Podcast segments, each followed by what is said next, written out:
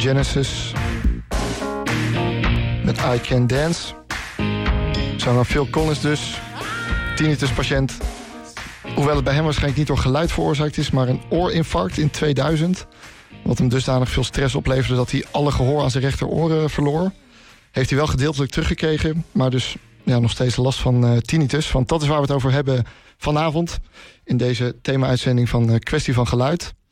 Met verschillende gasten, waaronder Dennis Cox, KNO-arts bij het Spaarne Gasthuis. Uh, ik sprak hem eerder dit weekend over wat er fysiek nu precies aan de hand is bij tinnitus en wat je eraan kunt doen. En ik vroeg hem allereerst, hoe ontstaat het? Uh, nou, dat is al meteen denk ik de allermoeilijkste vraag. Uh, tinnitus is een geluid wat iemand ervaart zonder dat iemand van buitenaf datzelfde geluid kan horen. Dus echt een geluid dat van binnenuit komt. Um, en elke vorm van geluid, of het nou een piep of een ruis of een suis is, dat wordt tinnitus genoemd.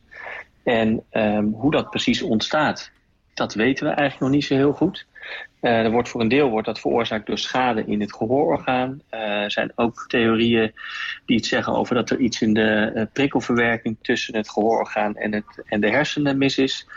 Maar in ieder geval is er iets wat de hersenen opvangen... wat niet door het gehoororgaan zelf wordt opgevangen van buitenaf als een geluid. En die schade kan op meerdere manieren ontstaan, vertelde hij. Nou, schade aan, in je slakkenhuis kan gewoon ontstaan door te, te lang naar te hard geluid te luisteren. Uh, dat is eigenlijk de belangrijkste oorzaak. Er zijn ook nog medicaties die uh, gehoorschade kunnen veroorzaken.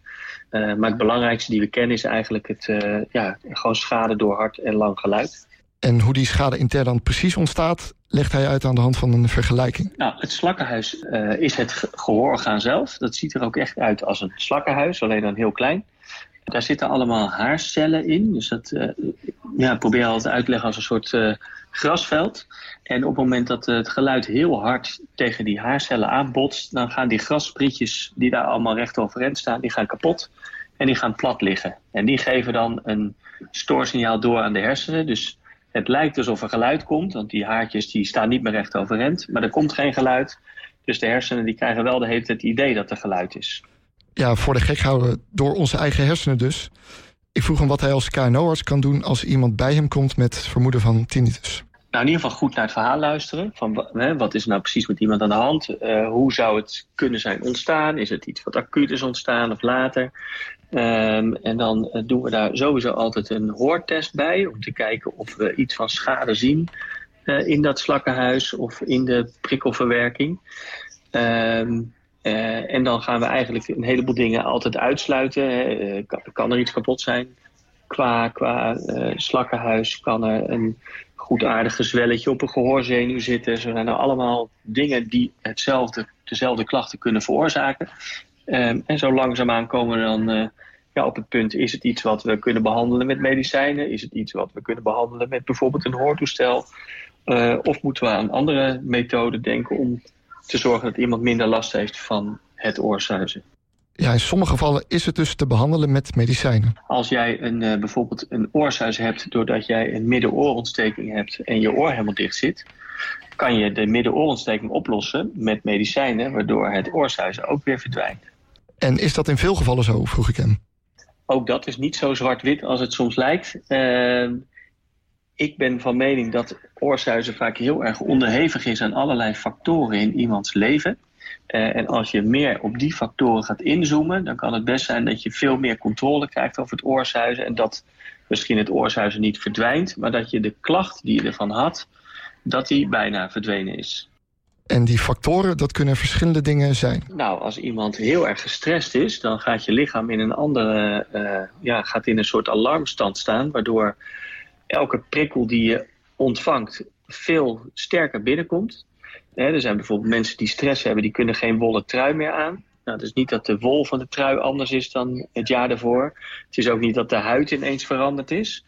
Maar je brein kan het niet meer aan om die prikkel te ervaren dat er huid in contact komt met de wol. En dat heeft dan vaak met, dus met stress te maken. En uh, ja, als je dus iets aan die stress doet, dan kan je de week daarna wel weer die wollen trui aan. Uh, even zo heel zwart-wit gezegd. Dus zo, kan je, zo zijn er ook factoren die van invloed zijn op hoe je het oorzuizen ervaart. En er zijn dus wel manieren om ermee te leren leven.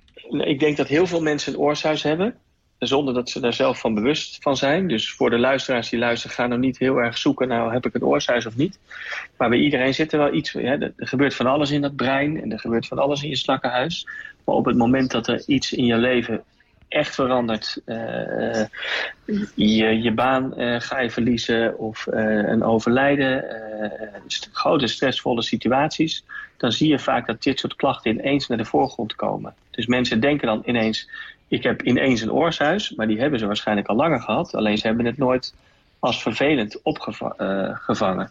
En dat wordt het dan dus ineens wel bij stress? Ja, en stress geeft ook allerlei lichamelijke klachten. Mensen krijgen ook last van stramme kaken of die gaan klemmen in hun slaap. Dat kan ook weer een factor zijn waar oorzuizen erger door wordt. Um, dus ja, wat wij nu sinds twee jaar doen, we hebben een, een oorsuisspreker in het ziekenhuis... waarbij ook de fysiotherapeut en de KNO-arts en iemand die de hoortest doet... en nog wat psychologische testen afneemt. Eigenlijk doen we dat dan in één grote straat... om echt al die factoren die met name invloed hebben op het ervaren van het oorsuis... of we daar meer grip op kunnen krijgen. Dus het gaat dan niet zo op, uh, ja, op het echte proces van... kunnen we met het draaien aan een knopje in je hoofd het oorsuizen veranderen... Uh, of door weer een of andere pil die op de markt is gebracht... of een of andere uh, neurofysicus die uh, iets doet om het te verminderen. wij kijken meer op hoe kan je het het omgaan met het oorzuizen zo beïnvloeden dat je er eigenlijk geen last meer van hebt. En dat spreekuur is dus voor iedereen te bezoeken? Zeker, met een verwijsbrief van de huisarts uh, kunnen mensen daar gewoon een afspraak maken. En dan uh, krijgen ze een, een heel straatje met, nou, met controlepunten. En de week daarna hebben we dan altijd een belafspraak. En dan wordt het hele plan besproken. Want wij hebben dan aan het einde van de dag nog een overlegmoment met het hele team... om een behandelplan op maat te maken eigenlijk. Ja, weet hem dus te vinden, Dennis Cox. En mocht je vragen hebben voor deze KNO-arts... Die kun je stellen via het contactformulier... de website van HLM 105. Dan zorg ik dat ze bij Dennis terechtkomen. Dennis Cox dus, KNO-arts van het Spaarne Gasthuis... gespecialiseerd in tinnitus. Kwestie van geluid.